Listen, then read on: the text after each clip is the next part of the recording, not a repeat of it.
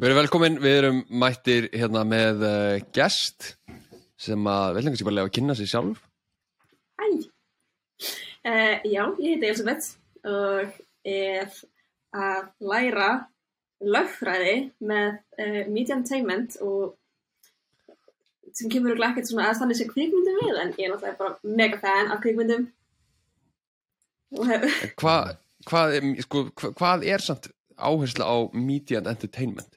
Það er basically um, kvikmyndir, tónlist, leikrit og bækur og allt sem að kemur þessum svona entertainment industríinu. Já, Og svo þegar Trygg- þegar Tryggvi er að streyma Game TV, ég, ég geti verið að gera eitthvað þar sko. Já, getur fara að kæra hann fyrir hérna, já, fyrir hluti sem hann er að nota í leifisleysi já, Það ég er alltaf, ég að fylgja svona með, vel með sko Já, sko, ég mynd, ég, með þetta væntum að myndir ekki gera það, því að ég er alltaf Já. líka til að segja hluti sem ég á ekki að segja og eitthvað leis. Já, kannski sleppi ég líka hendi copyright, copyright strike á þennan þátt hérna því við erum að nota klippur úr myndinni sem að Ég ég er hef ekki sko. fengið leifi fyrir. þetta fer beint til Universal sko Já, æðislegt frábært, gaman að Yes, menn there's a endist. Little podcast okkur. here in Iceland, uh, they are using your clips. yes, Nei, reynda, sko, ég hef heyrt betur tala ennsku og það er ekki íslensk enska, það er bara, Oi mate, how you doing there with that cut? One pint, Yes. please. One point please, gonna slap the geezer on the barber. Mhm. Nei, ha.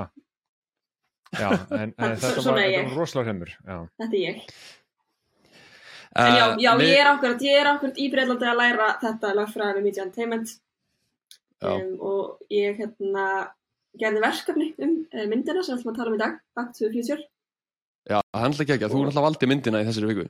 mm og ég hljóp að ykkur og sagði ég ferði að fá að vera með þegar ég tala um Back to the Future Já, Já.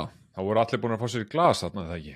Jú, það var svolítið, svolítið, svolítið seint í kvöldi sko Já. þegar ég kom Mm En ég með það er bara flott, við erum mættina. Þetta var eitt af þessum, eitt af þessum, eitt af þessum fyllir í sumveitum sem gekk ekki upp. Þetta er ekki svona eins og þegar maður hittir eitthvað sem var með í hérna barnaskóla og maður segir við, við verðum að fara að hittast! Já, og svo sér það manneski aldrei aftur. Á æfinni. ég hérna, ég, ég lendi eins og því að ég hitti manneski sem ég var með í mentaskóla og var eitthvað, oh my god, við höfum ekki hitt svo lengi. Og ég, veit það. Og ég tók um síma minn. Og ég herri, ég skal bara búa til event núna næsta lögadag, bara bjóð til event og bauð bara hellinga fólki svo vaknaði ég dæni eftir og ég bara, já, heyrðu, delítum þessu eventi. Veistu hvað, að finna þér, ég hef í nákvæmlega sama nema stelpan sem ég hitti varst þú í þessu tilfelli. Af því að ég sagði við hana skilur þetta klassiska skilur, já. Þetta er það sem fólk segir alltaf, fólk segir alltaf við ætlum að hittast, svo gerist aldrei. Hún bara ok, ok, ég ætla bara að búa til event núna Já, já, og einmitt, það var nákvæmlega sama sagan og ég held einmitt að, hann var gerður hálf þrjú um nótt, aðfóran nótt sunnudags það var engin respond á þetta sko. Nei, nei, þetta er svona eventið sem hún vonast til þess að eyða áður en allir vakna, sko. Uh já, En, en beta, mér langaði hérna að spyrja hann okkur spurninga bara svona til að leifa uh, ég ætla ekki að segja hlustundum, ég ætla að byrja að kalla þetta vini. Það er ekki flott, Tryggvi, Eh, nei, ertu Jú. fucking creepy hvað er að þér? vinir okkar Sko, hei, Mr. Sad, ha, ekki gera þetta. já, já, alveg vini, skilur þetta eru bara Já. fleiri vinir Já, já. Uh, Sigur hann er eins og hann er, ekki taka marka hann. uh, allavega, þetta eru nokkrar ég veit, ég veit að þú ert mjög mikil kveikmyndamanniska, en það uh, ertu mætt til okkar að væri mjög skrítið og væri það ekki -huh. en þú veist, við erum nú þegar með eitt Mm. þannig og hann heitir Tryggvi, þurfum ekki annan um, Halló? þannig að hérna, mér langar að spyrja það fyrst ok, hver er uppáhaldsmyndin? Það er Back to the Future. Það er Back to the það Future, það er já, segja það er bara mynd sem ég get hort á aftur og aftur og aftur og aftur. Og ég er alltaf jafn gaman að henni. Skiljanlega, þetta er nánast fullkomið mynd. Mm -hmm. uh, en hver er besta mynd sem við séð? þyrst að vera annarkvort Green Mile eða Seven. Já, Tryggvi hefur þessi Green Mile? Uh, ég held ég hafi eitthvað tíma að sé hana fyrir mörgum, mörgum, mörgum, er það ekki hérna John Coffey Bose? I'm sorry Bose. Ekki, er ég, ah, halló? Engin? mm, Með hérna gæjan, þetta er Tom Hanks og gæjan í fangil, hérna stóri svarti sem að, að- andar flugu með eitthvað. Jú, jú, jú, Já, nákvæmlega, nákvæmlega. Já, ég, hérna, ég sá hann örgulega fyrir mörgum, mörgum, mörgum ári síðan, ég man ekkert eftir henni nema hann ældi flugum, það er eins og ég man. Já. Þetta eru góð völ sko við hérna ætlum einmitt einu svona að taka Seven en, en ákveðum að sleppa því að því að hérna eina sem að tryggum mann eftir þeirri myndir endurinn What's in the box? What's in the box? What's in the box? þannig að svo mynd Það er líka það er til að besti parturinn sko. Já, já ég meina öll myndin er ónýtt ef þú veist bara endurinn skilur Sigurjón var, Sigurjón var búin að taka sko svona eina og hálfa mínúti að byggja upp suspense yfir því hvaða mynd á búin að velja fyrir næstu viku og svo sagði, er það að tala um hann What's in the box myndina? hann bara, er það fucking grínast í mér? en ok, þá er ég með eina spurningu sem að, ok, nú ert þú þriði aðli í þessum máli við höfum, við höfum reyfist um þetta í mörg, mörgum þáttum hjá okkur þannig að við verðum eiginlega að fá þetta input í það um, sko, áttu erfitt með að byrja á bíómynd en horfir svo allt í einu á þrjá klukkutíma þætti í röð. Já, Thank you! já, Thank you! ok, ok, byttu, byttu, byttu, ég skil það ég skil það, framhaldsspurning. Er þetta ekki basically sami hluturinn? Nei, þetta er ekki samféluturinn þú veist, þú ert að fá þú náttúrulega færða þess meira út horfa á þátt- þætti lengra og já, já, veist, kliffhangir Þáttur er líka, já, þáttur, skilur, þáttur er líka stittri, þannig að þetta er ekki jafn mikið tíma commitment að byrja þætti, skilur, hann er bara 40 Mhm. mínútur eða klukkutíma, skilur, þannig að þetta er ekki þrýr tímar þess að fokkin suma bíómyndir svo letum að horfa á sig yfir. Nei, svo eru liðinni bara þrýr tímar því þú búin að vera að klápa sjónvarp allan tímar og þú bara, heyrðu, ég hef bara ekki hort á þessa mynd sko. Er Þessi, ég, ég hef hort á Wool of Wall Street tvisasinnum, bæði skiptin þegar það tekið mig heila helgi að horfa á alla myndina. Það er bara eitthvað við þú- myndina sem ég, þa- ég þarf bara að stoppa, bara að sofa og halda áfram daginn eftir, sko.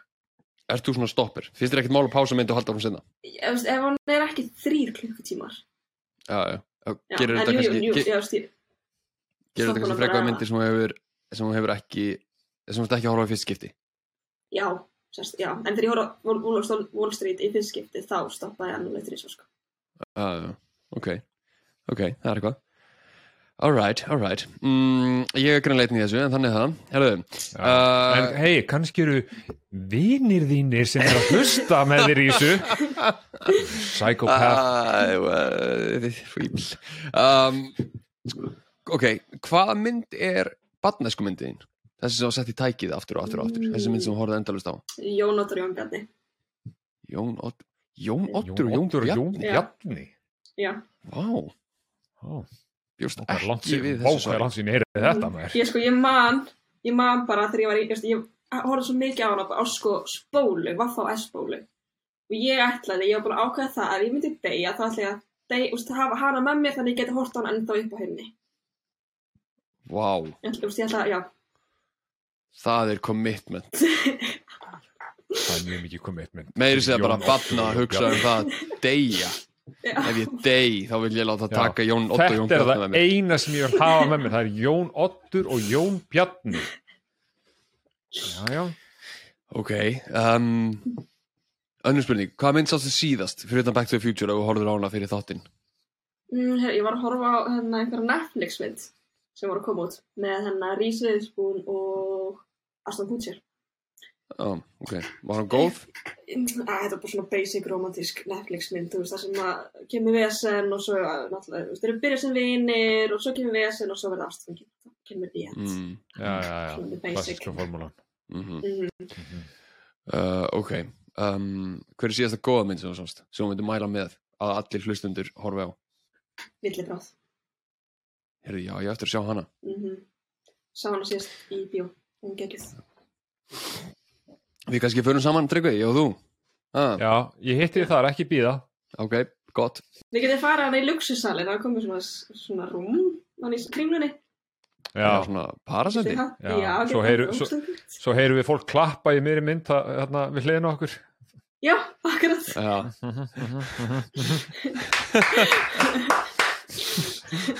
æjæjæjæjæj.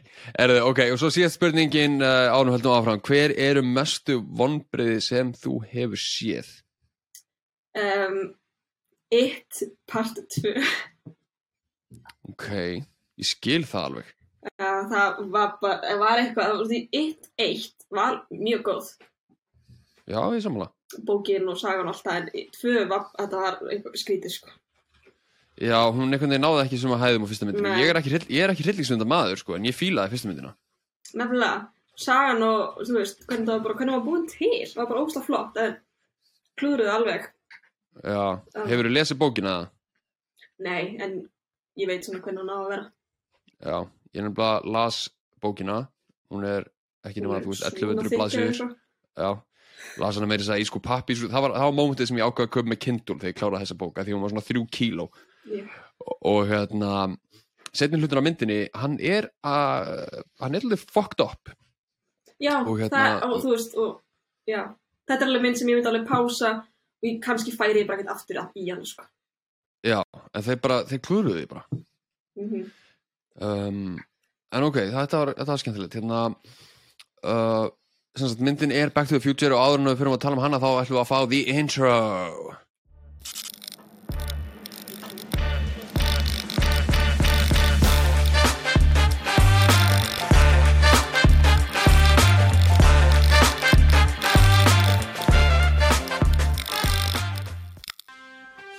a minute, Doc! Are you telling me that it's 825? Precisely! Damn! I'm late for school! Are you seriously telling me that your plan to save the universe is based on Back to the Future? Oh no! If Marge marries Artie, I'll never be born. Hey, Winchester. Oh, jeez! Oh! I'm sorry, Morty. It's a bummer. In reality, you're as dumb as they come. I know. Back to the Future. It's like Back to the Future. I'm gonna throw you in my DeLorean, gun it to 88. That's the power of love.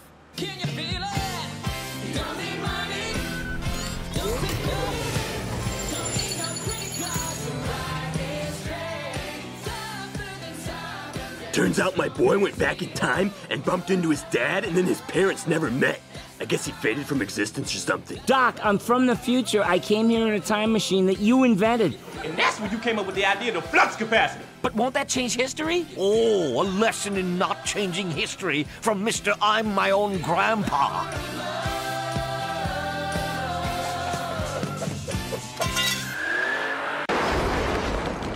ok, myndbandið sem að þið voru að sjá var í rauninni bara smá samantækt af því hvað þessi mynd hefur átt gríðarlega mikil áhrif á allt uh, þetta er ekki ein vinsalasta mynd allara tíma á ástæðu lausu og væga sagt eiginlega bara fullkomi mynd uh, Þú veistu, af þú ert að segja þetta við mig í svona þriðaskipti, af hverju er þetta fullkomin mynd?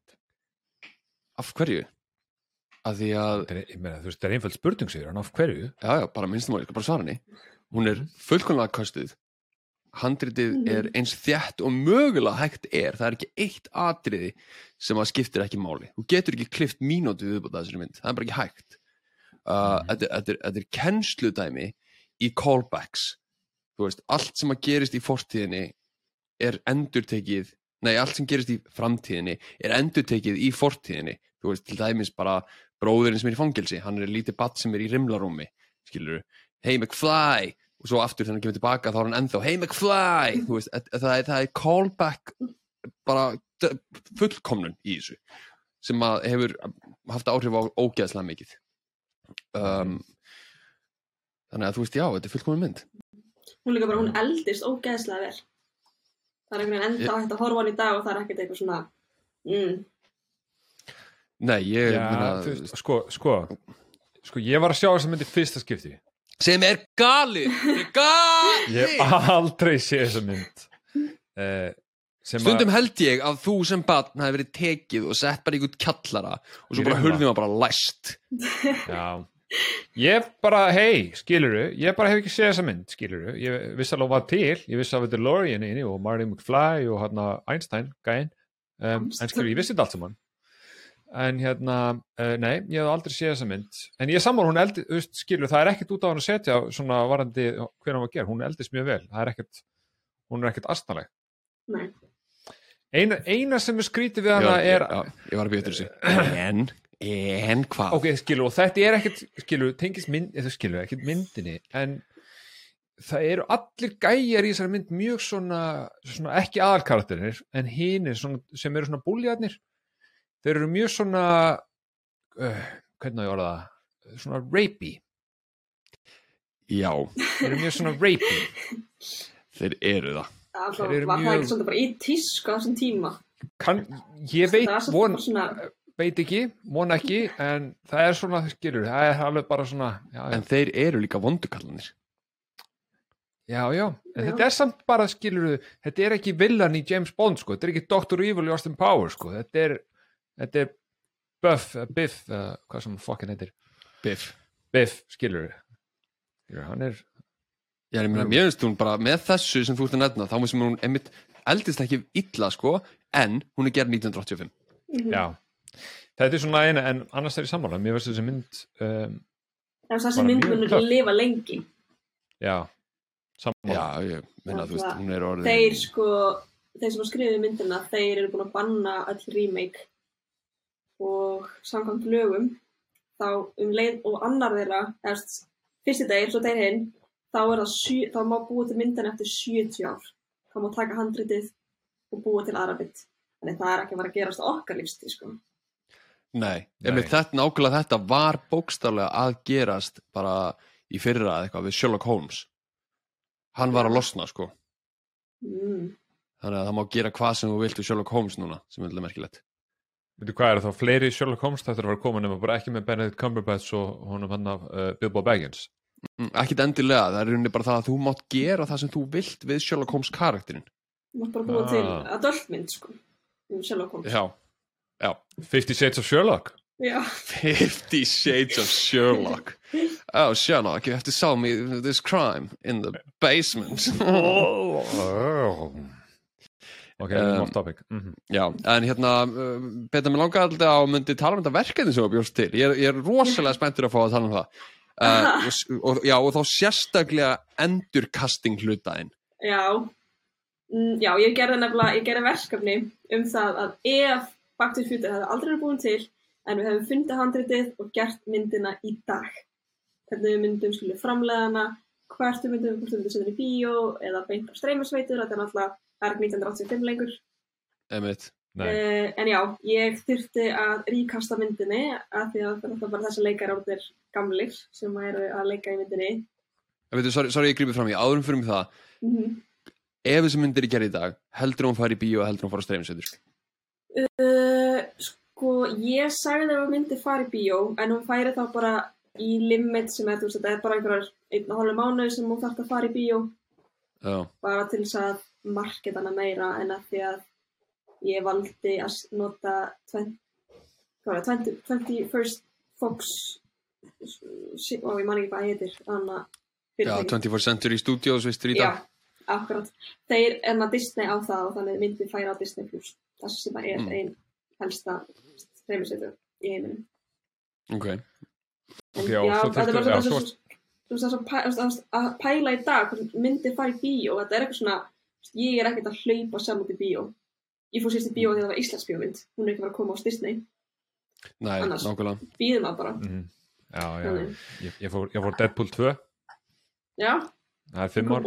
Já, akkurat. Já, f- f- fimm ár Þú ert Sko- ekki case dæmi, Tryggur, ekki vera að setja þig inn í Ég eitthvað held, svona ég held bara að varum að tala um hvernig við fórum í bíó. Ég, hvað, hérna, hvað? Ég þú, já, já, algjörlega, en þú ert ekki prime neytandinn, skilur Nei, nei. Ótrúlega sett á fer fólk ennþá í bíó þó að þú hefur ekki gert það í fimm ár og örgulega tíu ár þar á undan. Ok, en sko, ég er mjög, sko, ok, so, sorry að ég sé ekki Prime Bio example þá er pappa hann að bjóða þér í bíó, ó nei, hann gerir það aldrei. Hérna, allavega, vissur, að pappa segir hans, það frekar einn í bíó heldur hann að bjóða hann með? Í alvöru, Já, Satt. Það er satt. smá rút.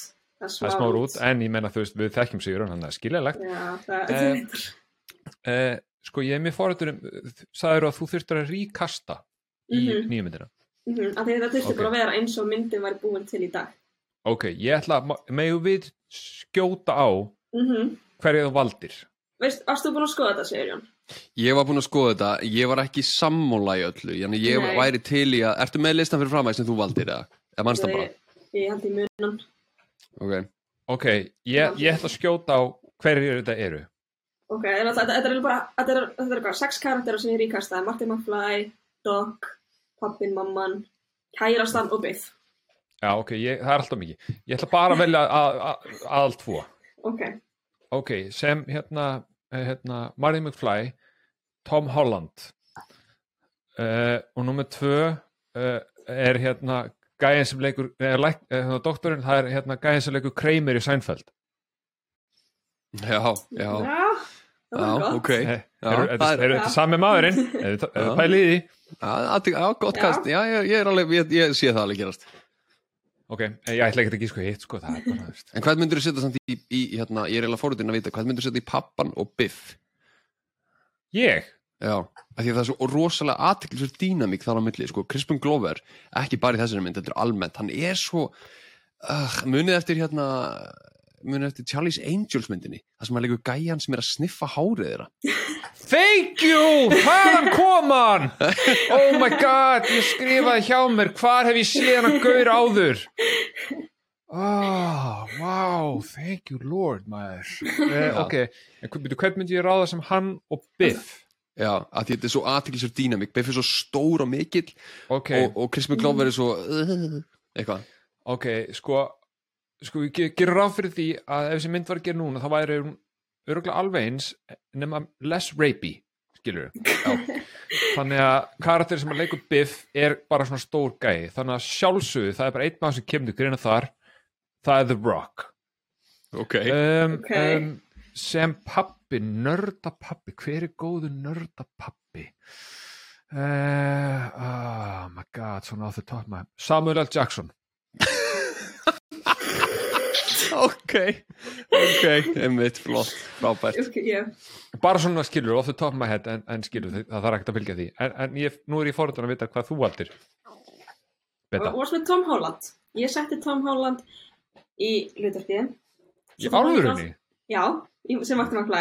En svo þurfti ég náttúrulega, þú veist, ég var líka alveg að pæla, þú veist, að þetta er náttúrulega bara, eins og segjum, í dag, þetta þarf alltaf að vera relevant leikari, þú veist, þú getur ekki verið að taka bara einhvern, þá er að marka að setja myndina.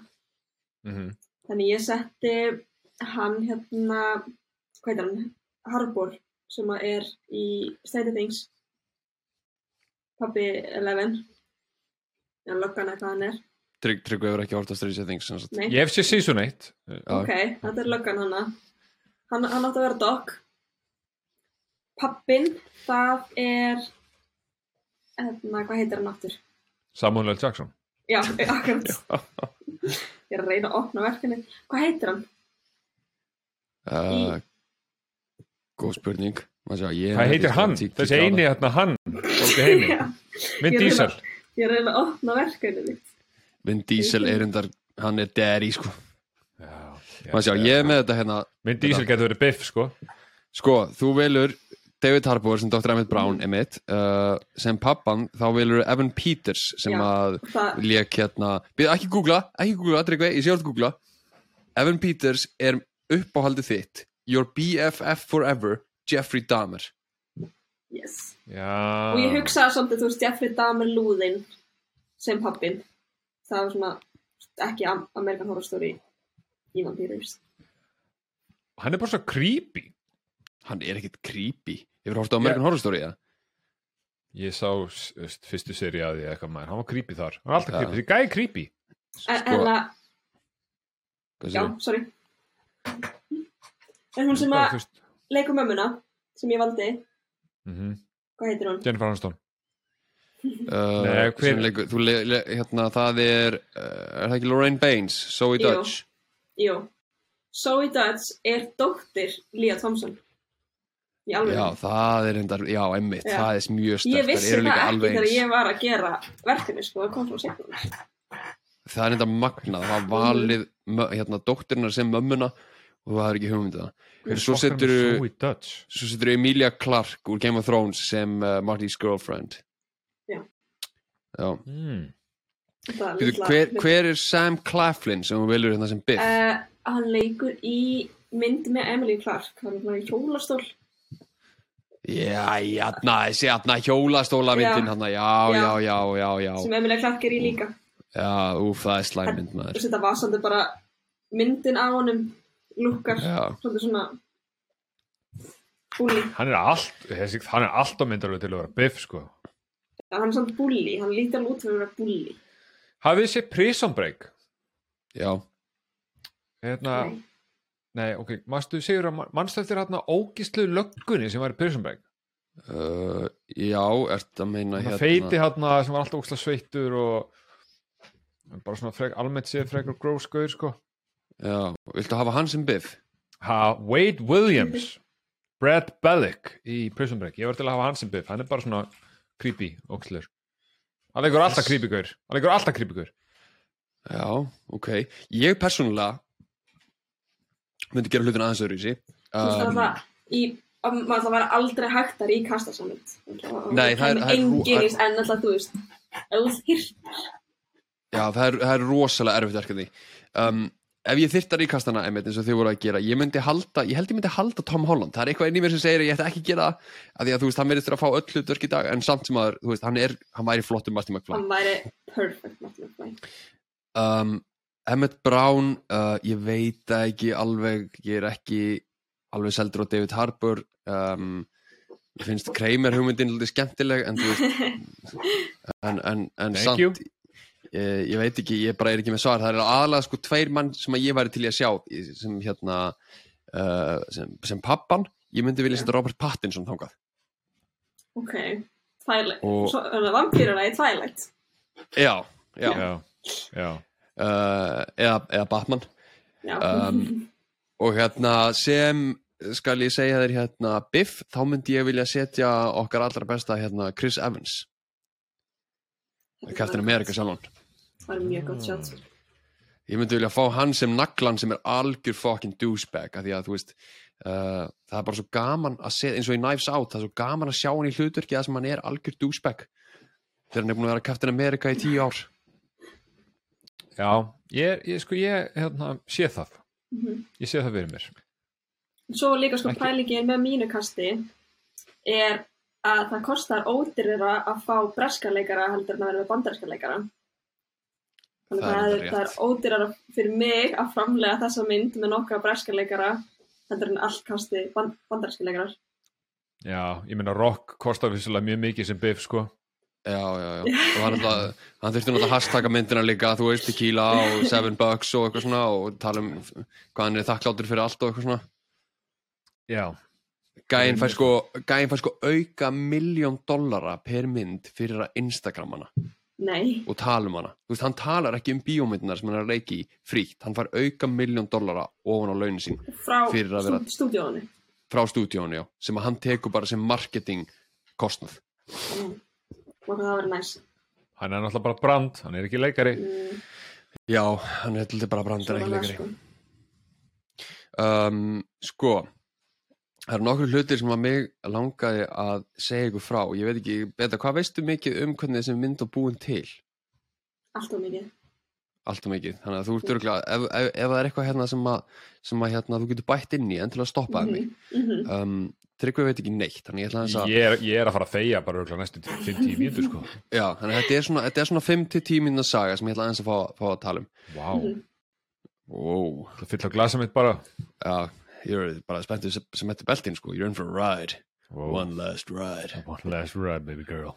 Um, sko, myndin er náttúrulega leikstýrt af, af Robert Zemeckis. Um, ég ætla eftir að vona að hefði séð þessa mynd. Þau náttúrulega sögðum ekkert um hvað hún væri en hún er Marty McFly sem að uh, fyrir tilbaka í, í tíman basically óvart og uh, þarf að koma sér tilbaka mjög einfalt plott nema það að þú veist hilarity ensues. Mm -hmm. um, en mennindi sem byggur þessa mynd til heita Robert Zemeckis og Bob Gale. Robert Zemeckis uh, kannast kannski ekkit endilega við nafnið hans en gæinn hefur gert myndir mjög litlar myndir, ekkit vola vinsælar þar heita meðal annars Back to the Future uh, Forrest Gump og, og, og fleiri skemmtilegar. Um, og Bob Gale skrifaði sagt, myndina með honum. Og þeir voru sagt, uh, félagur á háskóla og höfðu gert tvær myndir fyrir sem floppuð sem að hétt meðal annars I Wanna Hold Your Hand sem er bítlagrínmynd og, og svo mynd sem að heitir Used Cars. Um, þær fengur frábæra dóma á báðmyndinar en vandamáli var að það fór enginn að sjá þær. Uh, þannig að hérna og Spielberg hafði framleitt báða myndinar uh, sem ekki í rauninni kynntist Spielberg með rosalega fyndni bara hvað maður að segja, bara þú veist frekju, hann lappaði rauninni bara inn á skrifstofuna Spielbergs, lappaði fram hjá sekreteríinu og bara strunsaði inn og bara hei, mér langar að sína stuttmyndina mína. Og ítti bara á play skellti bara í tækið og Spielberg hugsaði bara, heyrðu, þessi gæi hann er með bara helviti mikið balls og þessi stuttmynd er alveg góð, þannig að ég, hérna, ég ætla bara að búti mynd fyrir hann. Ég hugsaði í dag að þú eru örgulega hendt út hraðar en þú.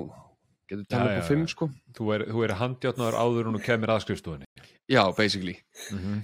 um, en Spielberg var svo ánægð með þessar tvær myndir að hann eitthvað, hei, mér langar ekki að gera grínmynd getur þið ekki bara að skrifa mynd fyrir mig? Og þeir gerðu það, skrifuðu mynd sem heitir 1941 nema svo mynd floppaði líka. Uh, þannig að þeir voru bara ekki að herri, fokk, við þurfum að gera eitthvað almennilegt hérna. Og þeir ákveða að skrifa sem sagt mynd sem að heitir Back to the Future. Nema vandamáli var að á þessum tíma þá vildi enginn fá þessa mynd. Um, öllum fannst hún vera of væg af því þetta er akkurat mómentið þar sem að uh, grínmyndir voru bara svona kynlífsmyndir, veist svona 16 myndir voru mjög raunchy og þau eru bara þetta er allt of vægt, veist, fólk vill bara gróar myndir í dag, en Disney sagði, mér finnst þessi mynd of gróf af því að það er incest koss í henni. Það er mamma sem kissir són sinn og þetta er viðbjörslegt og við erum ekki fara að búa þetta til. Uh, þannig að þeir bara þurfti að setja hann á pásu og þá var Michael Douglas að hérna, framlega mynd sem heitir Romancing the Stones. Og hann sagði við hérna, Robert Zemeckis hei, ég vil að þú leikstýri þessari mynd. Uh, sem hann gerði og myndin var vinsæl og, og actually bara fekk frábæri dóma og fólk fór á hana. Uh, þannig að þeir bara hérna, urðalþinu bara gett vinsæl Robert Zemeckis fekk helling af tilbóðum og hann bara slóð þeim eins og flugur bara frá sér og sagði ég ætla að nota þetta tækifæri að því að ég er komið með svona mikla fræð og búa til Back to the Future og þá hugsuðu þeir bobbar frendunir eh, herru, eigum við ekki bara að tala við Spielberg aftur? Við skuldum hann alveg mikið þannig að við skulum bara involvera hann í þetta. Uh, hennan, hennan litla no name við skulum hjálpa honum þessum uh, litla kall. Og hann var bara, heyrðu, þetta handrið er fucking geggja sko. og, og, og hann hjálpaði þeim að, koma þessu í gang. Og enda á því að Universal bjóð til myndina með þeim. Og gæðin sem stjórnaði Universal hann kom með nokkra punkta sem að voru ekki bara punktar heldur eiginlega bara nöðsin uh, það var meðal annars að breyta sagt, eh, Einstein dýrinu úr apa yfir í hund uh, og eitthvað svona hlutir. Uh, en aðalpunkturinn hans var að myndin ætti að heita Spaceman from Pluto. Back, Átti myndin að heita það? já, Back to the Future er arsnalegu titill, ég vil að hann heiti Spaceman from Pluto. Ek, ekki á er bara flókin. Back to the. Future er flókin titill já, nákvæmlega, þetta er flókin titill þannig að við skulum bara droppa þessu. Aftur tilbaka í framtíðina. Mhm. og, Já. svo, og þá hérna, sendir Steven Spielberg tilbaka góða djókur, við hlóum Já, öll. Já. Og, og, og Spielberg vissi um þetta hann myndi aldrei viðkynna það að þetta hafi ekki verið joke þannig að þetta var bara útrætt mál. Um, en svo er skemmtilega það Robert Zemeckis er með einn mann í huga fyrir þessa mynd til að leika Marty og það er Michael J. Fox og eins og vorum að ræða á hann það að endurkasta hlutverkið það er mjög erfitt og nánast ómögulegt uh, af því að Michael J. Fox er einhvern veginn bara Marty McFly. En hann var bara ekki laus, hann var að gera þætti sem heita Family Ties og stúdíu sem var að framlega þá vildu ekki sleppa honum, það var bara ekki séns. Þannig að hérna, þeir fengu sem sagt leikara sem heitir Erik Stoltz. Um, þeir pröfuðu nokkra leikara meðal hans Charlie Sheen og Johnny Depp það bara gekk ekki. Charlie Sheen? Já, kallum minna, þessum tíma var hann rockstjarnar sko Já, ég menna þú veist samt að væntalega bara ennþá alveg kókaðar á því og flottur, skilur við já, hann er alltaf búin að vera kókaður bara síðan 1970 sá gæði sko. Ekki ekki uh, en þannig að þeir byrjuðu að nota Erik Stoltz sem var virkil, vissulega bara frábær leikari en hann breytti myndinni í bara allt og allt og dökkan tón. Hann, hann skildi eiginlega ekkert húmor hann vildi bara gera þetta miklu alvarlegri mynd og hann var meira þess að rífast upp Bob Gale og Robert Zemeckis um hvernig karakter hann ætti að vera og hann tók þessu svo alvarlega, hann var svo mikið methodaktor að Christopher Lloyd held að hann héti Marty hann vissi ekki að leikarinn héti Erik Stoltz. Já, já. Þannig að hann fór bara on the deep end. Um, þetta gekk náttúrulega bara enga og hérna sem ekki talaði við Spielberg um þetta og Spielberg náttúrulega með pool um, þannig að Spielberg hérna rætti við Family Ties fólkið og sagði heyrðu við þurfum basically að fá hana gæja sko þetta gengur ekki. Um, sem og þeir fengu með því skilri að Family Ties myndi ekki hætta framleiðslu á neinuleiti uh, þannig að hérna planið þeirra var rauninni bara að hann myndi fara kl. 8 mótnana í Family Ties vera þar til fjögur eða, eða svo svo kemur bíl og sækir hann og það er rúm í bílnum og hann getur sofið þar svo byrja upptaka á Back to the Future um sjöleitið og er til fjögur um nótt svo er hann bara skuttla heim og hann getur fara aftur að sofa og, og þetta var svo mikil vinna að það var á köplum fólk að sækja hann á mótnana og halda á honum í styrtu af því að hann gæti alltaf staðið upp sko. en, en finnaður, hann vildi ekkert leiki í sér mynd. Agentin hann sá hann bara að það getur verið snuðt business move fyrir hann af því að það eru svo margir frægir í henni og, og hérna Spielberg er að framlega þetta. En þá er náttúrulega vandamál með Erik Stoltz og um, Spielberg segi basically við Robert Zemeckis leikstjóran, heyrðu þú verður að halda áfram að taka upp af því að við getum ekki, þú veist, hætt framleyslu það kostar óslega mikið pening og Universal fyrir að spyrja spurninga. Uh, þannig að hann bara held áfram að taka upp nema tók bara upp atriði án þess að hafa Erik Stoltz í þeim. Þess, hann var á settinu og hann átti kannski að vera í atriðinu. En hann sagði alltaf bara, heyrðu við þurfum að taka hérna close-ups af þessum leikurum að tala saman. Og nú þurfum við að taka close-up af þessum leikurum að tala saman. Og Erik þú bara býður aðeins. Og þetta gekk á í alveg bara svona viku eða svo. Og þá var krúið að byrja að fatta heyrðu þessi gæi hann er að fara sko. Mm. um, svo var hann bara reikin og þá byrjuðu þeir að taka upp myndina upp á nýtt með Michael J. Fox. Alveg frá byrjun. Öll atrið sem Erik Stoltz var í það þurfti að taka all, öll upp á, upp á nýtt og hérna Robert Zemeckis var mjög stressaður um að krúið myndi bara hætta af því að þau voru að endurgera alla vinnuna sem voru búin að vinna í allan annan tíma en hérna og finna er að, öll atriði í þessari mynd sem að Marty McFly eða Michael J. Fox er ekki í rammanum það er tekið upp þegar Erik Stoltz er ennþá að vinna þannig að einu atriðin sem að Michael J. Fox er actually að fá borga fyrir að vera í þessari mynd það er atriðina sem hann er á skjánum. Af því að hinn gæinn var ennþá á settinu sem er, er heldur magnað sko. Og hérna sem ekki saði basically að öll framleyslan hafi verið hræðileg, hún var algjör marstruð Crispin Glover sem leikur pappan hann gæti ekki hægt að vera eitthvað svona klikkaður á setti þannig að uh, hann sagði það, það, það, að klippa í kringum þig Crispin er marstruð, þú verður að vera fucking kjur af því að þú veist, við erum að vinna hérna með tvær mismunandi tökur, við erum með tökurnar af Erik Stoltz og við erum með tökurnar af Michael J. Fox þannig að þú verður að vera fucking kjurgur Þeir, svona, gift, Og- þeir sætti bara svo litla girðingu og hann átti bara að standa í þessum litla klassa. Já, hann mátti bara ekki reyfa sig úr því. Já, mm Já, af því að hann var svo á því að þú veist, pappan væri svo mikill eitthvað svona ö, ö, ö, og elda á hreyfingu og eitthvað svona þannig að það ge- gekk ókslega illa.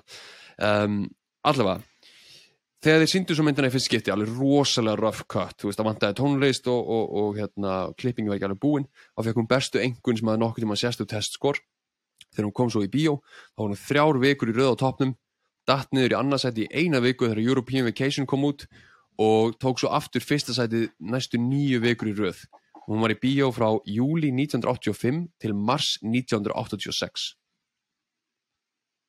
já. Hvað, átta mánuði? Já.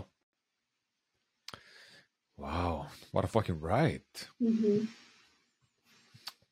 Er saga búin, sigur hún? Er, er sögurhótt Sigurinn sé búið, já.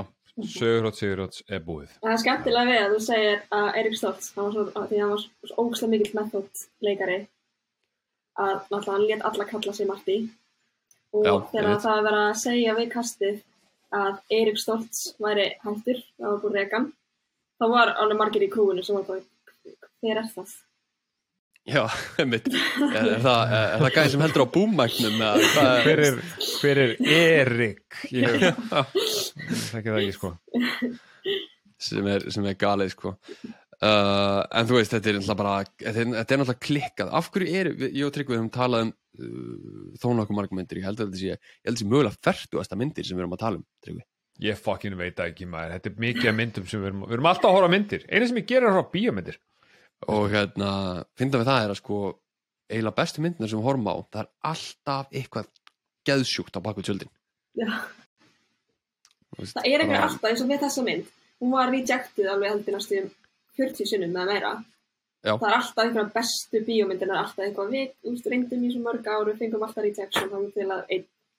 Og svo er þessi mynd á toppnum. Einmitt, bara vinselsta mynd og lifir ennþá. Mm mm -hmm. Já, já Svo líka skemmtilegt Um, þannig að svo. DeLoreanin, tímavélinn átti fyrst að vera ískápur Já, emitt, nákvæmlega Það var eitt af kommentunum frá stúdíókænum Það var breytt þessu úr ískáp yfir í Já, það Eitthvað var annað. svolítið dýrt Já Og, og líka hérna uh, hvernig Þessi ískapur verður að fara á 88 miljonar hraði og ætlar að Já. ferðast og, og líka hvernig þeir komust hérna tilbaka það, Hvernig þeir náðu nógu mikill orku uh, Upprunlega endinum var þannig að þeir, þeir réðust inn í bandarískan hérna uh, svona hairbase og sprengdu kjarnorkusprengju Já, til, Já, já, til að powera tímavélina já, ískápin Já, ískápin, sprengdu ískápin með kjarnorkusprengju sem var setna notað í, í annar Steve Spielberg mynd sem heitir Indiana Jones 4 já, það, hann nota, nota hann ekki ískapin í akkurat. Indiana Jú. Jones Indiana Jones hendi sér inn í ískápin til að lifa af kjarnorkusprengjuna fucking galið atrið sko. Þú ætlar að láta mig horfa á þær myndir já, við erum frá já, við erum frá að horfa þær á hann og nýja kemur út Æðislegt alveg. Ég er samt sko, talandi um henni DeLorean, sko, sem bíl, hversu mikið, hérna, allir þessi, hérna, bíl hafi verið seldur fyrirmyndina versus eftirmyndina. ég held að að skyrockaði alveg eftirmyndina sko miða, Já. miða við að því að hann var svo lítið það er bara gæinn sem að framleið hérna, DeLorean er bara æfilega þakklátur fyrir myndina já, fyndna nefnilega við þetta er að þessi, þessi bíl á þessum tíma þetta er algjört drasl þetta er, þetta er bara eins og hérna þetta er eins og það hefur verið notur lata sport árið 2000 Lata sport árið 2000. já, ef myndin hefði komið út árið 2000 og það hefði verið lata sport lata sport er tímavélin Já, já, já, það, það, er, það er basically brandarinn sko DeLorean er algjört piece of shit bíl En ég meina, þú veist, hvað ætli þessi bíl kosti í dag? Þetta að kosta bara, þú veist, að fuck, fuckload, sko. ég held að markasæri á þessari típu sem er geggjað hátt bara út á bíómyndinni Já, svo kostar náttúrulega bara hálfan handleik að halda þessu gangandi, sko. Þetta var þannig að hurðarnar voru bara að detta af honum og eitthvað. Þetta var bara, Sko. þetta var bara piece of shit bíl, en DeLorean var að gefa út rafmagsbíl í fyrra. Já, þeir eru sko búin að gera plan til 2050 eða eitthvað sko. Bara þeir eru búin að gefa út einhverja nokkra bíla og Sko, ég, nú er ég ekki mikill Tesla-maður, en Tesla er með svona stóran skjá í miðinni og þú getur sett ykkur hluti á hann, skilur eins og að, eitthvað, ég veit ekki, eitthvað drast. DeLorean, ef þeir eru ekki með skjá sem þú getur kveikt á the flux capacitor, Já, then what's the point? já, what's Nei, the fucking point? þeir eru með þú veist hérna Já, bara veist. allt, bara basically Já. bara, í back, bara back to the future mode á þessum Mhm. rafmagsbíl. í- ef ég myndi kaupa hann þá var, ma- þá var ég allan daginn að fara búa til baksjóflutu bílinn ég myndi aldrei keira hann bara venjulega sko. Nei, það væri alltaf ljós og rast, sko. Ég held að segja að bílinn sem er í myndinni að hafi ekki verið keiranlegur, sko. Naha. Hvað meinar? Við horfðum á hann fara á 88 mílur per hour. 88 miles per hour. 88 miles per hour. Já, ég held nefnilega, ég minni fastlega að bílinn sem þið notuðu, hann hafi ekki verið keiranlegur. Þetta er það mikið of shit að þið náðu ekki að koma honum í ganga eða það var rosalega mikil vinna við að viðhalda honum bara fyrir atriðin, sko. Mm. Þannig að Ok. það er mjög, mjög hann er hentugt bara að dregin Já, bara dregin bara mjög hendugt að hann hafi bara krassað þarna og svo er hann bara ekkert síndur aftur í myndinni fyrir í lokin Mögulega, sko, sko, ok, ég meina spurningu fyrir ykkur, þegar þið eru sem miklu sérfræðingar, skilur, ég er bara, hérna, þú veist, veit ekki neitt. Um, þessi, hérna, ég man ekki hvað hann heitir, hérna, gæin, uh, hinn gæin, ekki Martin Fly, heldur, like, Doc. uh, the doctor, Doc, Duck Dog, já, The Dog um, er hann viljandi uh, látið lít út eins og Albert Einstein með hund sem heitir Al- Albert Einstein, uh, Einstein til þess að ít undir hann lítur út eins og Albert Einstein eða er hann bara svona? Það? Ég vil svör. Það er mjög góði punktur sko. Sko, ég myndi segja að hérna að það sé bara grín, sko. Haldur þessi bara grín. Já, þetta er bara fyndið, gæn lítur út eins og Einstein og hundir eins og Einstein. Hann er ekki svona geðveikur. Þegar við hittum hann í fyrst skipti í fortíðinni þá var hann með vél á haustum á sér þar sem hann þykist geta lesið hugsanna hennar Já. Hann býr samt, sko, það, er mjög, sko það, það sem að mér varst mér fyndi með þegar ég horfði á þessu myndu, byrjun, bara í, í byrjunni þegar hann er með fullt af svona gadgets, þegar hann lappar inn í húsið hans og það er fullt af svona alls konar gadgets í gangi. Þetta er svona dót sem maður myndi sjá í dag í sjónvarsmarkaðanum svona hérna erum við með sjálfvirkan dósaopnar sem hellir fyrir hellir matnum Já. í dallinni á hundinum og hendir í síðan í ruslið. Þetta er frábær vara og fæst hér á hann þess 19.990 krónur. Já. Hver kannast ekki við það að koma heim og hundurinn er dáinn að því þú að gefa hann að borða Já, Í dag getur við vestlað sjálfvirka matargefaran já! Þetta er svolítið þannig, sko, allar þessar græjur. Já, það er líka er- dog, hann, hann, er- hann er bara að búa til eitthvað svona eitthvað rugl. Já hann, er svona, hann er svona græju gæi sko. mm Já, hann er ekki en, en sko, að því sögðu líka fyrst við erum að tala um hann um, sko, veist, hann er auðvitað eins og Albert Einstein hann, þegar við kynnumst þeim fyrst svo fyrir við 30 ár aftur í tíman Mhm. og hann er alveg jafn gamall þá og hann var 30 ára setna Já, líka sko þegar hann sér framtíðarvídeó á sjálfum sér, fyrst sem hann segir er Oh, thank God I still have my hair. Já, einmitt, skilur um, hann, breytist ekki neitt, hvað á hann að vera gamall? 50, 80 skilur þú veist, hann er gráhærður. Kannski, hann er náttúrulega, hann er scientist. Hann er kannski búin að búa til eitthvað til þess að halda sér svona ungum. Já, þannig að, þannig að hann ákvað sem, sagt, sem scientist að þegar hann er 50 þá ætla ég að vera með grátt hár sem er út í loftið, eins og Einstein Já. og, svo bara, og ég ætla bara Hef, að hefur þú aldrei átt svona mannesku sem þú lítur upp til? Það er bara, þú veist, hann lítur bara upp til Einstein. Þú vilt bara vera alveg eins og hann. Uh, þú veist, ég veit að ég veist, hérna, Ryan Gosling kannski en, en þú veist, það gengur ekkit ókslega vel uh, Hérna, Beta, ég er með spurningu fyrir þig Mm. Af, af þríleiknum, þessum þrejum myndum um, Hvað finnst þér um hérna tvær? Mér finnst tvö geggjuð, Mm, þrjú er svona, hún er síst. já, hún, ég, passar, hún passar inn í tríólogina, en hún er svona, þú veist, ég horf eiginlega bara eitt og tvö, svo gleymist einn svolítið. já, ég er fullkonlega sammála Þú hefur séð Indiana Jones 1, 2 og 3 eða ekki? Nei. Næ, ég var ekki séð hana, ok Það er allt í góð, allt í góð, það sem ég ætla að segja skiptir þú, þú tengir líklega stæla við þetta út af því þú hefur séð þessar þrámyndir Það er til að finna þetta bá, Báðamyndinar voru þríleikur um, og, og það gera báðar rosalega skemmtilegan hlut. Það er að sko, fyrsta myndin kemur út Svo kemur framhaldið og bæ, bæði tengt Spielberg með þess að og hérna, og pælingin er bara, heyrðu, í nummer tvö, við skulum gera bara eitthvað allt, allt annað. Og veist, áhörundur eru að búast við bara annari Back to the Future eða annari, þú veist, hérna um, Indiana Jones. En svo er hún bara, báða myndnar eru miklu dekkri og miklu þingri og alvarlegri sögur, ég meina, þú veist, í framhaldinu þá er Biff búin að hérna, sem sagt, tryggvi í, í stutturum máli þá finnur Biff sem sagt, hérna um, svona, Sports Almanac. já, já, sportsalmar þannig að hann byrjar að veðja á alla leikina. Mm. og vinnur alltaf, þannig að í framtíðinni þá er bærin bara orðin Biff Town Já, já, já. Þannig að í myndum og tvö þú eru að fara sem sagt to the future og, og koma í veg fyrir þetta, reyna að laga þetta einhvern veginn. Og hérna Er það plottið í mynd nummer tvö? já, svo þróast það og breytist og verður til þungt, þetta er aðeins þingri mynd sko, þú veist, allur bærin er töluvert svona þingri og þunglindari og svo þurfa að fara aftur tilbaka eða ekki í fortíðina. Já, það byrja, mig, ég hef ekki fótt að sé þetta. nei, betur byrja náttúrulega með sinni Marty McFly. Marty McFly, original Marty McFly, finnur sportsalmanakið, Biff fer í bílinn og fer aftur í fortíðina, menn þeir eru í framtíðinni í 2015.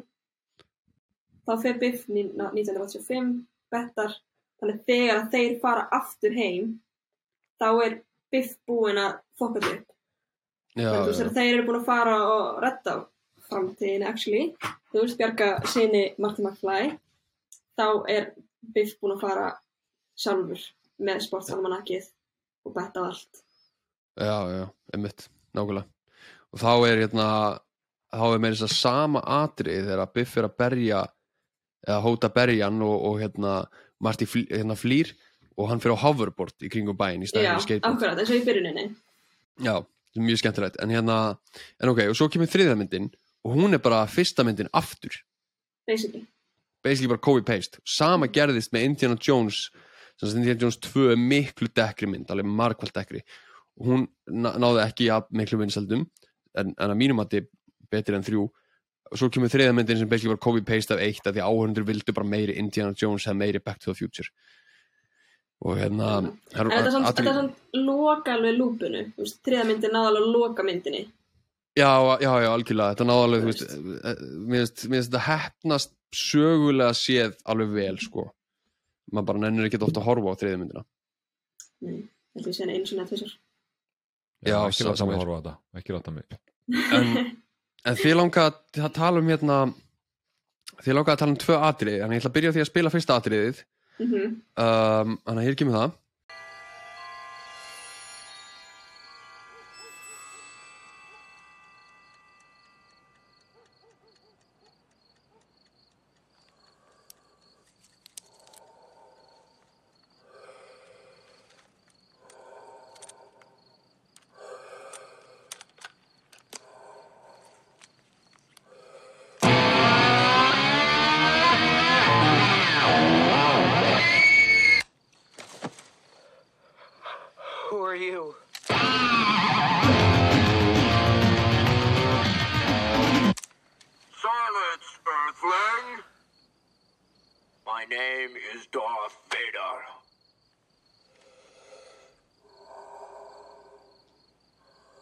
I am an extraterrestrial from the planet Vulcan. Vitið þið hver spilar hérna gítarriffið? Er þetta ekki bara Van Halen eða? Mm, Þetta er, nefnilega bara Edvard Van Halen. Van Halen vildi ekki koma nálagt myndinni en Edvard Van Halen sjálfur var svona æg og kallilæg og þannig hann veist, spilaði aftur bara eitthvað nokkur riff aleinn. Bara fyrir þetta aðrið? stend, Já, þannig að stend, stendur á kassetinni eða á spólunni Edvard Van Halen ekki bara Van Halen Já, ég tók ekki eftir. Hver, er þetta eitthvað sem maður á að taka eftir? Hvað hva, hérna, hvað svo oft er þið búin að sjá þessa myndi? Er það fun fact? Já, það er merkilegt að því að þú Þú veist, þeir voru búin að byggja um og þeir voru allir bara, nei, ég er góður. Já, ég er góð, það veit ekki hvað margir hana. En hann ákvað svo svona að æjók allt í lagi, en alltaf gat ekki notað copyright ef hann hefði bara sendt inn lagi þeirra, þannig að hann mátti náttúrulega senda inn sinn eigin skítarriff. Já, svo lengi sem það er mert bara Edward Van Halen. Já, og þetta var bara tekið aftur upp, bara hann. En er þetta úr lægi frá þeim, veist það? Það Er þetta bara eitthvað riff? Þetta er nú frekar Ég held að stuð. sé eitthvað bara riff, sko. Gæti alveg verið eitthvað riff úr einhverju lagi, ég veit ekki alveg hvaða lag þetta að vera. en Já, þetta er alltaf original creation, þannig séð frá honum bara. Svo gerir líka hérna, Huey Lewis er líka með cameo. Hann Huey Lewis in the News. Power of Love. Power, Back to the Future lægið. Já, já, já, að sjálfsögðu. Og svo náttúrulega, náttúrulega, sorry, sorry, hvað er það að segja? Já, já, ég ætla bara að segja, hann er hérna dómarinn þegar Marty ætla að spila hann á, Þannig í byrjun. hann er alveg í byrjun já, þegar hann segir You Já, já, þetta- damn too darn loud. It's too loud. Já, það, það var Mhm. Huey Lewis. Vá, ég veist það ekki. Ekki? Nei, skemmtilegt. Huey Lewis in the news. Mhm. Það fucking nördum er í með þetta maður. Hvað er? Og svo náttúrulega aðalægið, Johnny B. Good, sko, það er Mhm. geggjað aðriði. Og líka spilar þetta allt og svo, ah, your, your kids will get it. Já, þetta er frækt það sem ég er, það sem ég á heima. Uh, það er líka hérna, að það er skemmtilega því við vorum að tala um Doc Marty á hann, það er skemmtilega svona throwaway lína sem að Doc Marty, nei, Doc hérna, Brown segir, sem að eh, hefur engin áhrif á myndina en hún er ókslega skemmtileg. Uh, þegar hann kemst að því að hann hefur actually náð að fullkomna time machine og segir eitthvað ah, the, hérna, it finally happened after wasting 30 years of my family wealth svona þú veist, gæinn kemur frá miklum pening og er búin að eigða honum öllum bara í hann að fullkona einhverja tímavel sem hann tekst svo að gera Já, ég Uh, þú veist, það var líka, þú veist, það, það var gaman að sjá því að hann talar um þetta í fyrirpartmyndinu og svo ferðu tilbaka þá sérðu þetta huge mansion sem hann býr í.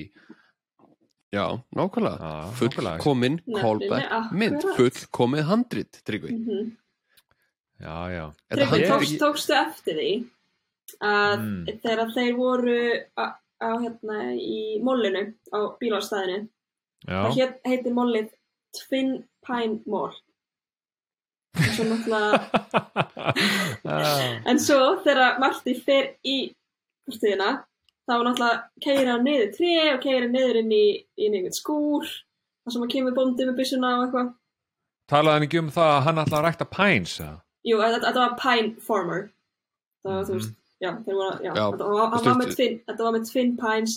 Marty keiri niður eitt þeirra og í lokmyndarinnar þegar hann er komin aftur á hérna, bílastæðið. Þá heitir mollið One Pine Mall. Nei, nei, ég tók ekki eftir þessu. Nei, ég tók ekki eftir því. Alls ekki. Genius, ja, þetta, þetta, er líka- nákvæmlega hvað það voru að gera Já, þetta er, þetta er það sem að gera myndina líka fullkona það er endur áhorskildið, þú tekur eftir nýjum hlutum í hverskinn sem horfur á þessa mynd mm Ok, ok, þið eru svo miklu genius. Það mér endilega útskýra fyrir mér. Hérna, hvaðan koma þessir gæjar frá Líbíu? það var náttúrulega í byrjun í byrjun hérna myndarinnar þegar Marty fer inn til Doc og allar klukkunar þá var náttúrulega er hann með það lúþjum dæmi undir rúminu og fréttinar eru í gangi um að það hafi verið stólið að Libyans hafi ætlað að fá það og ég dokk hefur þá tekið frá Libjón, Libjónunum þess vegna Mm. þeir alltaf ok, ok fyrir, fyrir mér, maður sem var ekki að sjá þess að myndi í hundrasta skipti eins og því um, þá er sálsög sko ég reyna að fylgjast með eins mikið og ég get en, en skilu það, ma maður getur ekki séð allt Mér langar að Þannig að- benda þér á það, herra Hvað? Hvað ætlar að benda mér á? Að, að í myndinni, í byrjunum myndinni, þá er frétt af að tala um að Libyans hafi verið með plutonium en því hafi verið stólið af þeim.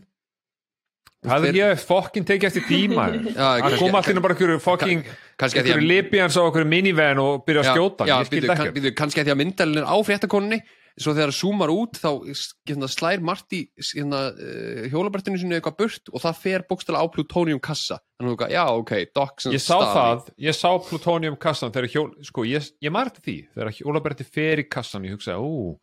Og svo þegar hann opnaði kassan setna mér þá hugsaði, ó nei, ætlaði hann sé eitthvað búin að hrista í þessu. Þegar hjólaberti fór í það, skilur skilur, það, ég var að reyna þetta er allt, þetta, þetta er allt of mikið, sko en ok, nú veit ég þetta, bara þú veist bara sorry, ég fucking spurði þið maður. En hugsaðu þér hvað, bara því þú pekar þetta ekki upp. Næst þegar þú hefur hort á myndina, þá hefur bara eitthvað, já, herri, ég sá þetta ekki síðast. Hm, næst er ég horf, næst er ég horf ef ég horfa á þessa mynd aftur, ég hugsaði, af hverju er ég að horfa á þessa mynd aftur? Ég er búin að sjá hana. Og þú eru geggjuð. Ah, já. Ekki, ekki. Uh, ok, herri, ég, þú þú langar að tala um annað atriði sem ég ætla að fá að spila núna. Mhm. Hey,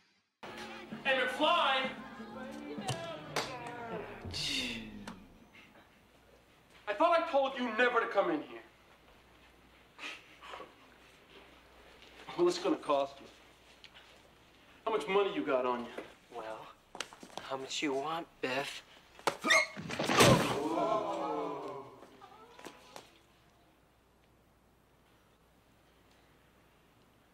All right, punk. Now I'm Whoa, gonna. whoa, Biff. What's that?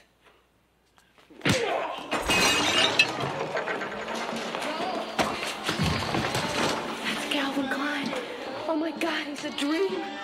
Það er nefnilega að talað um að því að hann sem leikur Biff hann man aldrei eftir því að, að þarna, hann man eftir að hafa tekið þetta atriðu upp þegar hann lemur hann með Erik Stoltz og hann man ekki eftir að hafa tekið aftur upp.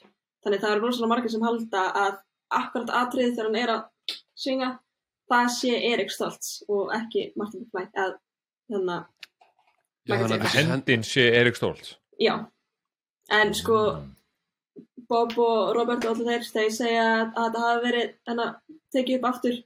En fólk er nótum það er búið að vera bara hvað, hvernig höndin kemur í þessari hæð en það er alltaf er rosalega mikill munur á þeim þeim uh, hæðamunur Það er- og fólk, fólk er búið að vera að stúta þetta sko. það er eins og Marvin McFly sé 1.40 hæð. Já, með þessa senu en svo þú veist, ef þú myndir horfa aftur á svingið þá kemur það svona, þú veist, það kemur miklu harra upp og það er fólk heldur þetta sé Erik Stoltz sem að lemur hana og líka bara því að elska- Biff, Biff man ekki eftir að tekið aftur upp. Ég elska internetið. Internet er a magical place og fólk og ég menna, veist, ég elska að fólk sé virkilega að stúdera og búa til verkefni þegar þeir eru lögfræðinámi um þetta, þessa mynd. Það ekki.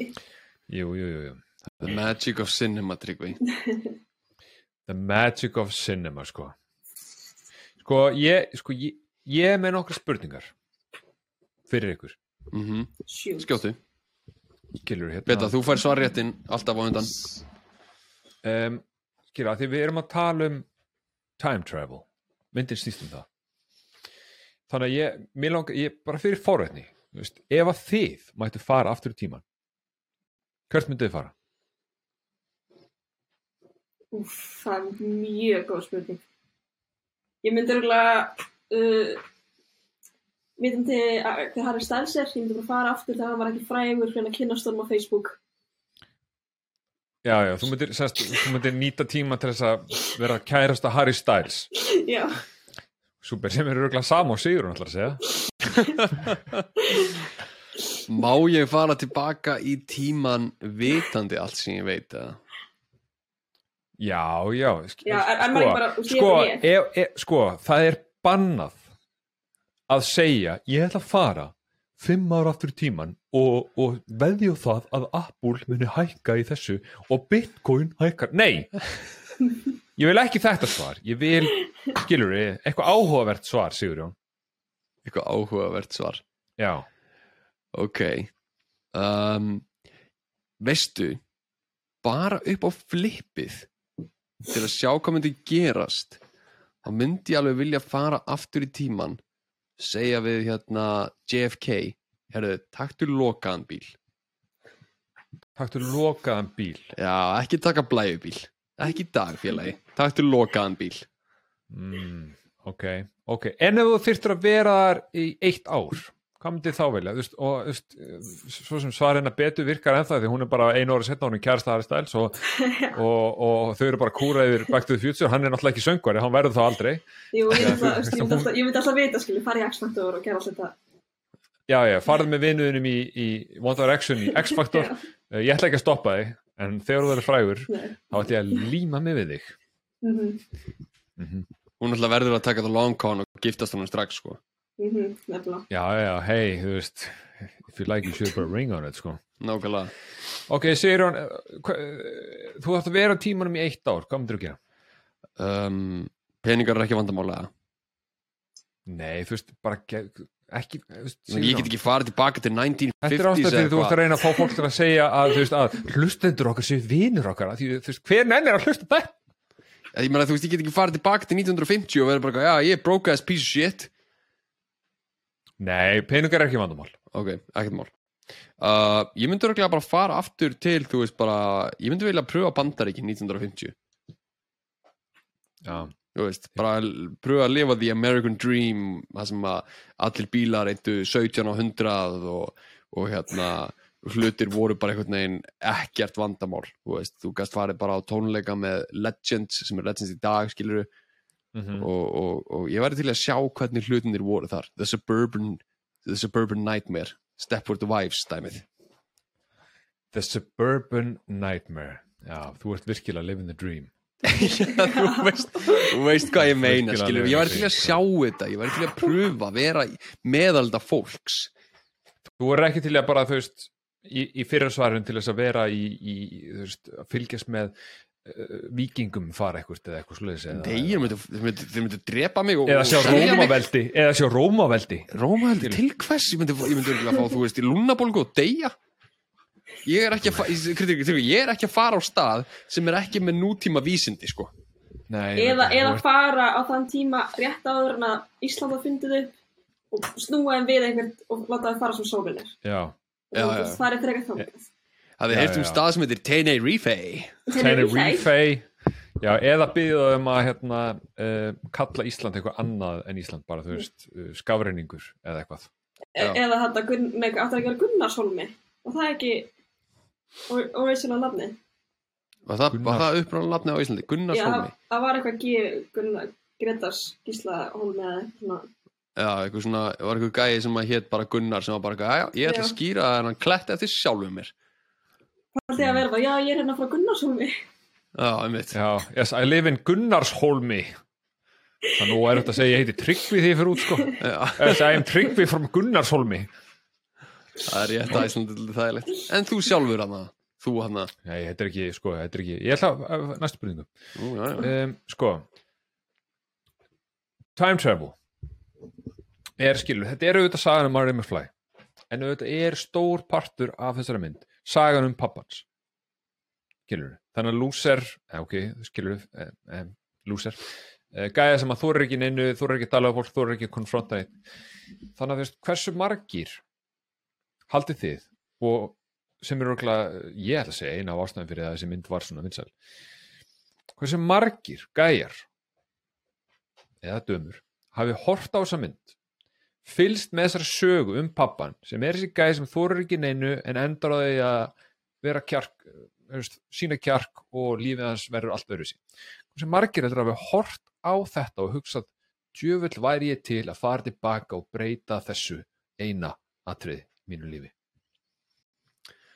Öruglega, sorry, ég, ætla, sorry, ég veit að, ég að þú átt svarréttin, þetta bara myndi mig á eitt skemmtilegt uh, um myndina sjálfa.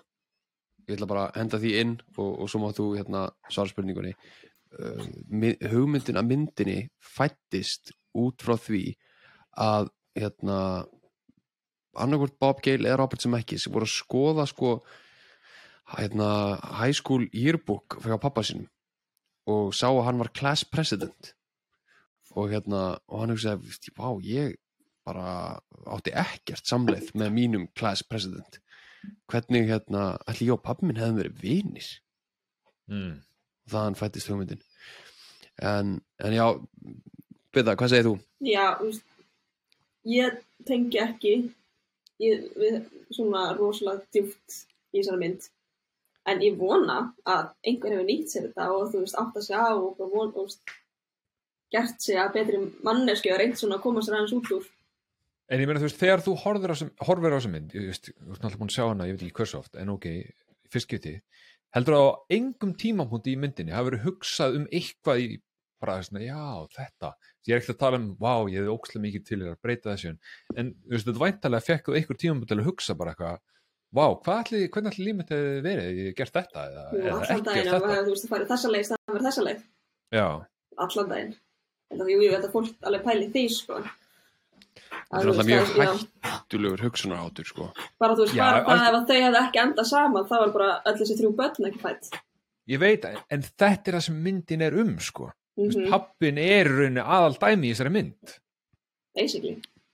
Já, hann, það, er, það, er, það, er, það er hann sem að fer eiginlega í gegnum Hero's Journey sko. já, Já, Martin McFly er er svolítið bara svona þannig til að hjálpa honum, sko hann er bara til að íta honum, til þess að soja á mömmu sinni, sko, Já. það er mjög gaman að reyna að fá pappa undan að ríða ykkur í gælu, sko, Come on you old horny dog You. Go, go, go, go Talk to that lady You. Ok, sko, ok, og að því sögðu, þá ætlum ég að spyrja eina spurningum viðbútt, fyrir þetta allt saman, Mhm. hvort er þessi mynd eftirminnaleg af því að þetta er góð mynd eða af því að viðfangsefnið í myndinni er áhugavert. Viðfangsefni þetta er bara, svo, þetta er bara svona þetta er svolítið svona búm þú veist. Þetta, maður er ekkert eitthvað alla daga eitthvað, hvað myndi ég gera? Ég geti farið aftur í síðustu viku og Nei, auðvitað Þú ekkert alltaf daginn, það, það er ekki hægt að komast hjá því þegar þú horfur á þessa mynd. Nei, nefnilega. því að eins og þessi, pappin er aðal karakterin og þú sérð hvernig það er verið íta honum í að gera þetta og hvernig lífið hans breytist þegar hann loksis sýnir smá kjark og kýlir gæðan í, í smetti. Þú veist, ef að ég hef aldrei byrjað að vinna á Nova þá var ég ekki í þessu podcasti á ykkur. Ég er að segja það sko. Veist, þannig að það, það er allt. Sigurjón, hvort er það myndin er góð eða það sem myndin fjallar um er það sem er að pílið? Uh, Samblanda ekki, þú mátt ekki vera og ég skrifaði sérstaklega. Þú mátt ekki segja bæði. Þú verður að velja annað hvort Nei, sorry, það er til hellinga tíma traveling myndum og það eru bara piece of við shit erum sko. ekki að tala um þær. Við erum að tala um Back to the Future you piece of shit. Já, en þetta er góð útfæsla á hugmyndinni á viðfangsefninu. Veldu annað hvort, það er eins sem ég byggðum Þá vel ég setna viðfangsvætni myndarinnar. Nei, nei, nei, sorry, fyrra þá myndi að, það. að bíómyndin sjálf sé bara góð bíómynd. Þetta er bara mjög góð bíómynd. Ok, já ég meina það er bara því að ég hef full að trúa því að ef að þeir hefði þurft að ditcha þú veist, uh, eitthvað tímapælingu þá hefðu þeir getað skrifað líka mjög góða mynd. En málið er bara að þeir púla time travel dótið ógesla vel. Og það eru Mhm. rosalega margir sem hafa gert það bara rosalega illa. Já, já. Ég meina, sko, sko, po- pointið mitt líka er það ég get lofaði því að eftir, hvað er hún orðin gömul? 10 ára kannski, eftir 25 ár það er enginn að fara að sitja þrjú saman eins og við erum að gera núna að tala um hot tub time machine enginn. Nei. Ganski, Nei, bara, hei það, það er ekkert rétt að ránt svar. Akkur þú er ekki að vera svona viðkomið fyrir þessu? Ég er ekki viðkomið, ég er making a point Það er ekkert rétt að ránt svar, sko, ég er bara fárutin af því að þú veist, ég er sammála betur, sko. Já. Viðfangsefni. Þetta er í náttúrulega myndinni bæði er og það sem spæði þetta er náttúrulega geggjumynd en viðfangsefni er Viðfangsefni er það sem gerir þetta áhugaverða þessi, þessi, þetta hérna færi mann líka bara til að pæla svo miklu meira í myndinni og svona. Já, eins og, eins og hundra- þetta litlir hlutinni þú veist, two pine mall og one pine mall Já, veist, já, já, veist, ok, það er, það er eitthvað fyrir ykkur. En skilur, þegar ég horfði á hana, þá, það sem mér fannst áhugast við hana var einmitt, skilur, þetta, þú veist, ég gat ekki annað en hugsa um bara svona, já, alveg, þú veist, ég, ég fór að hugsa um bara svona, þú veist, gaggo. Skilu, hvað, þú veist, Já, ekki það, ég eigi eitthvað moment, ég á ekkert moment, en ég, en ég gat ekki annað en hugsa, á ég eitthvað svona moment úr gaggo, það sem að er eitthvað svona sem hefur kannski, nei, en skilur en það, það, þessi mynd gera það við mann. Þannig að basically það sem þú segir að þú uh, við erum Ekki þú vera, við erum ekki, ekki þú segja eitthvað heimskulega brandar. Sko, við erum náttúrulega sjö árum yngri en þú en þú náttúrulega fóst bara í midlife crisis sem sagt, þegar að horfa á þessa mynd, þú varst bara Nei, eitthvað, nei, "Fuck, hvað er lífið mitt Já, ég meina, þú veist, sjáðu hvar ég er, augljóslega, þú veist, spyr ég spurninga, hvernig enda ég hérna, hvað er bíómyndir, en, skilur en þetta er bara, ég er bara með dattinn í hug og hérna, ég er bara fórhundin. Ég, kannski, ég sko sá þessa mynd þegar ég var 16 ára. Ég var kannski ekki alveg að pæla hversu mikið ég var búin að fokka upp lífinu þá. Nei, menn þú ert augljóslega ekki búin að fokka upp lífinu, annars verður ekki hér, sko, Nei, með, með, hérna, knoll og tott að taka upp podcast. Ak akkurat. Uh, pr- prime in your life. Já, en uh, þú veist, að því sögðu þá er ég sammálaðir, segir hann að því leiti til að það er engin punktur í þessari mynd sem að maður hugsa af hverju er þetta? eða Nei, það er ótrúlegt og þetta handrit er kent í kveikmyndaskólum út um landa allt sem fullkomnasta handrit allara tíma. Af því að þú getur ekki fjarlægt eina einustu senu úr þessari mynd uh, af því að það skipta allar svo miklu máli. Já, ég er bara, ég er alveg sammálað því. Það er hérna um, vissulega, þarftu kannski að hafa síðan að tvisara þessi til þess að fatta okkur að það eru libyans að skjóta okkur lækni eða einhverjum random bæ í bandarækjunum en uh, þess fyrir utan uh, var ekkert sem að ég gati rauninni sett út á þessa mynd. Nei, líka sko árum við byrjum þáttinn ég og Beta vorum að spjalla saman um grínmyndir. Um, þú veist, grínmyndir í dag þær virðast aldrei gera þetta. Þú veist, búa til þetta rosalega endur áhórskildi sem að myndin sem þetta hefur. Og, og eins og myndin svo Airplane þú veist, það sem að í hverskið sem að horfur á hana það peka upp nýja hluti. Mm þú veist, Beta er alltaf búin að benda þér á þó nokkra margar hluti sem að hérna, sem að þú náður ekki í fyrsta áhorfi en þú veist, hún alltaf og ég erum búin að sjá sem mynd alveg mjög oft sko Já, já, ég er alveg sammála því, þú veist, að, að, allir punktar sem að Betty er búin að segja við mér er hluti sem ég tók ekki eftir, sko. Þannig að, ég meina, þú veist, ég, er, ég var ánægð með þessa mynd, ég er þess að skemmtileg mynd. Hvað fannst þér En svona besti parturinn í myndinni? Eh, mér fannst besti parturinn í myndinu var þegar að pappin var orðin gigachat og Biff var orðin einhvers konar bara svona vannræktur hóbó sem virðist það að fengi heila skemmt eftir að landa hann fyrir 30 ára síðan. Eh, það var uppáhaldsparturinn, já, í lokin. Hverju var Biff bara sem var með heila skemmt bara þegar það fekk eitt Því hann bara loka að Því að náði hann að hann var ekki pússover lengur, hann pappin.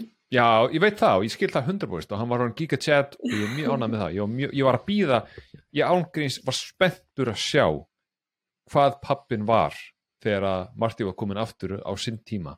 Hvernig verður pappin og hann var allt sem um dremdi uh, það að Biff var heila skemmtur uh, hérna, hobo uh, kom mér á óvart.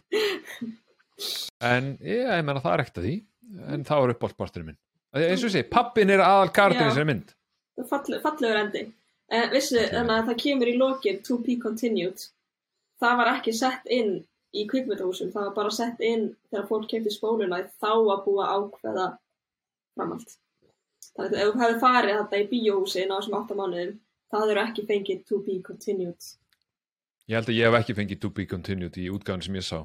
Nei, en ég- það var samt mjög augljóst. Skipaði bara kvöldlistan eða? Ha, já, hvað er að horfa á Marvel-mynda? uh, en ég meina þú veist, en endirinn er mjög augljóslega að benda til að það verður fram. Gæti, já, já. En hún En það- það var alveg, ekki- en hún hefði alveg getað endað hana. Það hefði alveg getað endað. Já, það átti aldrei að vera framhald sko það átti, þeir, þeir vildu ekki Það gera kom, það kom alveg setna mér, sko. Universal saði við á, við erum að fara að gera framhald með eða án ykkar Já, já, já. En ég meina þú veist, þegar hann kemur í parvekki tilbaka og segir, það eru krakkarnir, Marty, it's your kids, it's your kids, Marty. Þá er bara, ok, næstu minn, þá væntalega eru krakkarnir eitthvað Já, þetta var bara brandari sko Já, Þeim fannst þetta bara getur skemmtilegt. Þú getað bara pælt bara svona hvað það gæti það að gerst. Já, já, þessi myndi gerðilega fyrir mikla pælara. Mhm.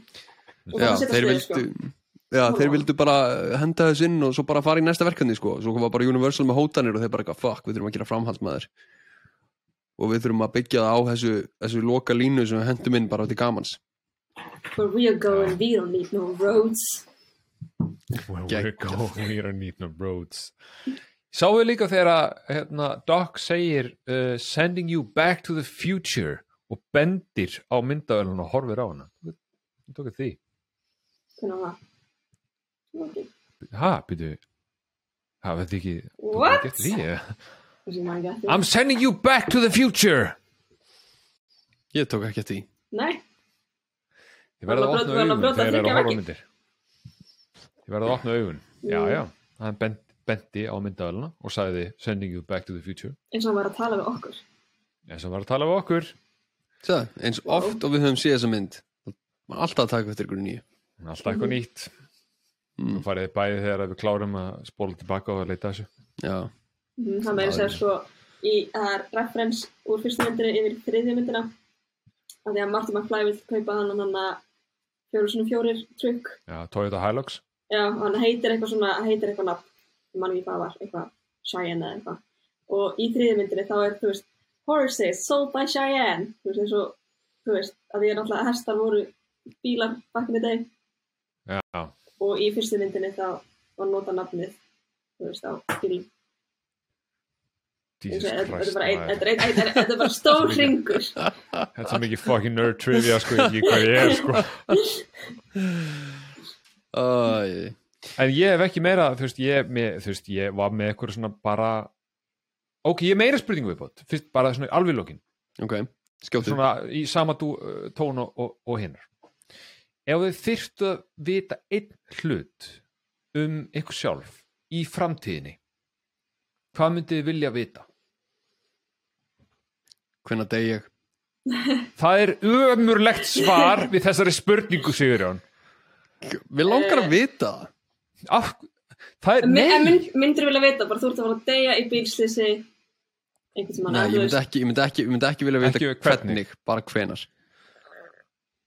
Í, Það- ég mynd- þetta, ég myndi var, þetta, var, þetta var versta svarið Þetta var versta svar sem gast kom með Ég var bara til að vita hvað ég var að gera. Því núna er ég að klára lögfræði og ég veit þú veist, mér langar ekki að vera lögfræðingur, sko. Þannig að það var fínt að fá að vita bara svona hvað ég á að gera, hvað ég enda. Já, þannig, að, þú veist, bara hvað er ég að gera til fimm ár Já, Já, ég myndi að ef að, þú veist, svarið þeirri spurning væri bara eitthvað, þú ert að vinna í bónus já. Og kannski mynd sem að þeir svo reyna Akkur er ég hérna þá? En kannski væri ég þá lögfræðingur á bónus. Já, Þú, þú ert sjálfsafgriðslu kassin Já, ok. út röddin í sjálfsafgjörslu kassanum Myndið þið kvittuninni Myndið þið kvittuninni Já, ok, það er bara áhugavert. Þetta, var- þetta var síðast spurningi mín sem að tengist öllu þessu þannig að ég er bara, ég er bara góður Það er að spyrja ykkur einu að, að þú sagðir í byrjun þegar þú varst að lýsa myndina að Disney vildi ekki taka þessa mynd, það þeim fannst það alltaf gróf mynd með Sivja spjall og svona. mm -hmm. Núna er Disney að framlega Star Wars, það sem er. Já, Sem að Leia og Luke kissast. Já, þau Sama í Back to the Future. já, þau náttúrulega kaupa réttina þeirri mynd Mhm. Þannig að þau, þeir hefðu náttúrulega aldrei Þau kaupa samt, þú veist, réttin á Sivja spjallsmynd. Já, já, og, og, og, og, náttúrulega Það er eiga náttúrulega ekki Universal en þá en, en þú veist, já, alltaf þessi ekki bara út að þú veist, það er iconic, skilur þú veist, bara fyrirgefa það, en, en þeir, ég held að myndi aldrei framleiða það í dag eða á þá, sko Þannig að þú myndi kaupa Back to the Future, allir myndi kaupa Back to the Future í dag. Já, þeir myndi- já, 100% myndi kaupa Back to the Future og þeir myndi svoleiðis punga þetta út eins og enginn væri morgundagurinn, sko Mhm. oh, það væri hræðilegt að þeir myndi eignast réttina Back to the Future við myndum fá endurgerð, við myndum fá þætti við myndum fá hellingadrasli, sko Það er gaman að sjá ef við myndum lifa það lengi þegar copyright er ekki lengur gilt, hvort það sé einhver að fara að endurgera myndin. Já, ég meina, þú veist hafið þið séð upprunnulega þáttinn af Rick and Morty það sem að þeir heita Það er, það er, það það er bara, þú veist, það er inspiration. já, þú veist, já, þeir heita bara Marty og Doc Mhm. í, í klippunni og það, því er svo breytt yfir í hérna Morty og Rick út Já. af copyright vandamálum sko. Mhm. hmm, Nei, ég veist það ekki, ég hef ekki séð það En þeir Nei, eru það alltaf, er alltaf byggðir á to the Future. já það er líka, ég mæli mig að horfa á það sko, það er alveg fáránlega gróft. Þetta er, minnir að þetta sé hérna, Doc að plata Morty í að totta sig. Minnir, minnir að það sé upprunalegi sketsin og, og fyrir ykkur vinnan Sigurjón sem er að hlusta þá mælir hann með því, þessu. Ekki, uh, don't miss out. Don't miss out. Your best friend Sigurjón recommends it Já, já, já. Allavega, að því sögðu, Beta viljum þakka kærlega fyrir að hafa verið með okkur. Það var gaman að hafa þig Bjóða mér, það geggja. og, og virkilega gaman að fá að tala um þessa mynd. Hún var alltaf á dagskrá, ég bara vissi ekki hvernig þetta taka hana því að hún er helviti iconic, þannig að það er bara flott að kannski vera með okkur. Já, er, þegar þið tvö komið saman Nörd, og, nörd 1 og Nörd 2 það, þetta er gaman sko en það var samt fullt af skemmtilegu trivia sko. ég, er alltaf, ég var alltaf gaman að trivia Já, já, þú lærir þér helling, þú lappar út úr sem þætti tölvöld vitrari Mhm. maður. Þú getur alveg að fara, þú getur alveg sagt fólki meira frá myndinni. Já, af því ég lendi mjög reglulega í samræðum þar sem ég með langar ógeðslega mikið að tala um movie trivia Já, eða bara, þú lendir óslátt í samræðum við annað fólk. Já, helst ekki sko Mhm. en því miður þá kemur það stundum fyrir og kannski einn daginn mun ég vitna í þetta Já. Hver veit? Uh, annars þá bara þakku ykkur fyrir að, að hlusta eða horfa, við erum erum í vídeo á Spotify. Um, endilega hendi í follow, við erum á líka Facebook og Instagram heimbi og hlaðvarp. Uh, bara á öllum hérna miðlum saman nafn, þannig að einfalt að finna okkur. Um, næsta mynd er já, næsta mynd er Godfather 2 Ó já, Hmm. alveg, alveg rétt já. Ekkert minna en það Úf, það er bara negla eftir negla sko það er negla eftir negla, Tryggvi þú varst alltaf mjög hrifin af Godfather 1 sko, ekki glemma því Já, sjálfsög og þessi mynd, þessi mynd er betri sko Þessi mynd er betri Já. Þessi mynd er 3 klukkutímar og 22 mínútur. Tryggvi, við þurfum ekki að ræða lengdina á bíómyndinu akkur núna. Það er Nei, engin ok. ástæða til að ræða lengdina. Sorry, Uh, spenntur Já, hashtag spenntur, yeah. Tek frá, tek frá helgina bara fyrir hana Já, já, ég meina, þú Mhm, veist. Þú þarft að stóða og stoppa hann nokkur veist Taka þér nokkra bara, bara svona pásu bara til að anda. Já, það er klukkutíma á föstu, klukkutíma á lögati og klukkutíma sundi og samt 22 myndur eftir Það er þetta, hefur þið séð hana, Peter? Hefur þið séð Godfather 2? Nei, ég hef ekki séð hana. Það er ótrúlegt við Godfather 2 að hérna, hún er aldrei löng. Af því að hún er að segja frá sko sögu Michael Corleone og Vito Corleone þegar hann er ungur og hún er alltaf að hoppa á milli tímalínu þannig að þú veist, þú ert alltaf, þetta er eins og á þátt Mhm. eða veist, serju, þú ert alltaf spenntur að vita hvað er að gerast hinum einn og svo endur alltaf á cliffhanger og svo fyrir tilbaka og skoða það sem að Vito var að gera og þú ert alltaf bara, oh fuck, ég var svo spennt fyrir Michael. Ah, ok, það þannig að, þetta heldur í gangandi þetta er örgulega stista, lengsta mynd sem þú horfir á. Nú já, nú já, já, já. Ég er spenntur fyrir þessu. Algjörlega, þannig að við hérna heimist í næstu viku þegar við förum við Godfather 2 og aftur bara beta. Takk fyrir að vera með okkur um, það er ekki meira að segja. Nei. Bye. Bye. Bye. Bye.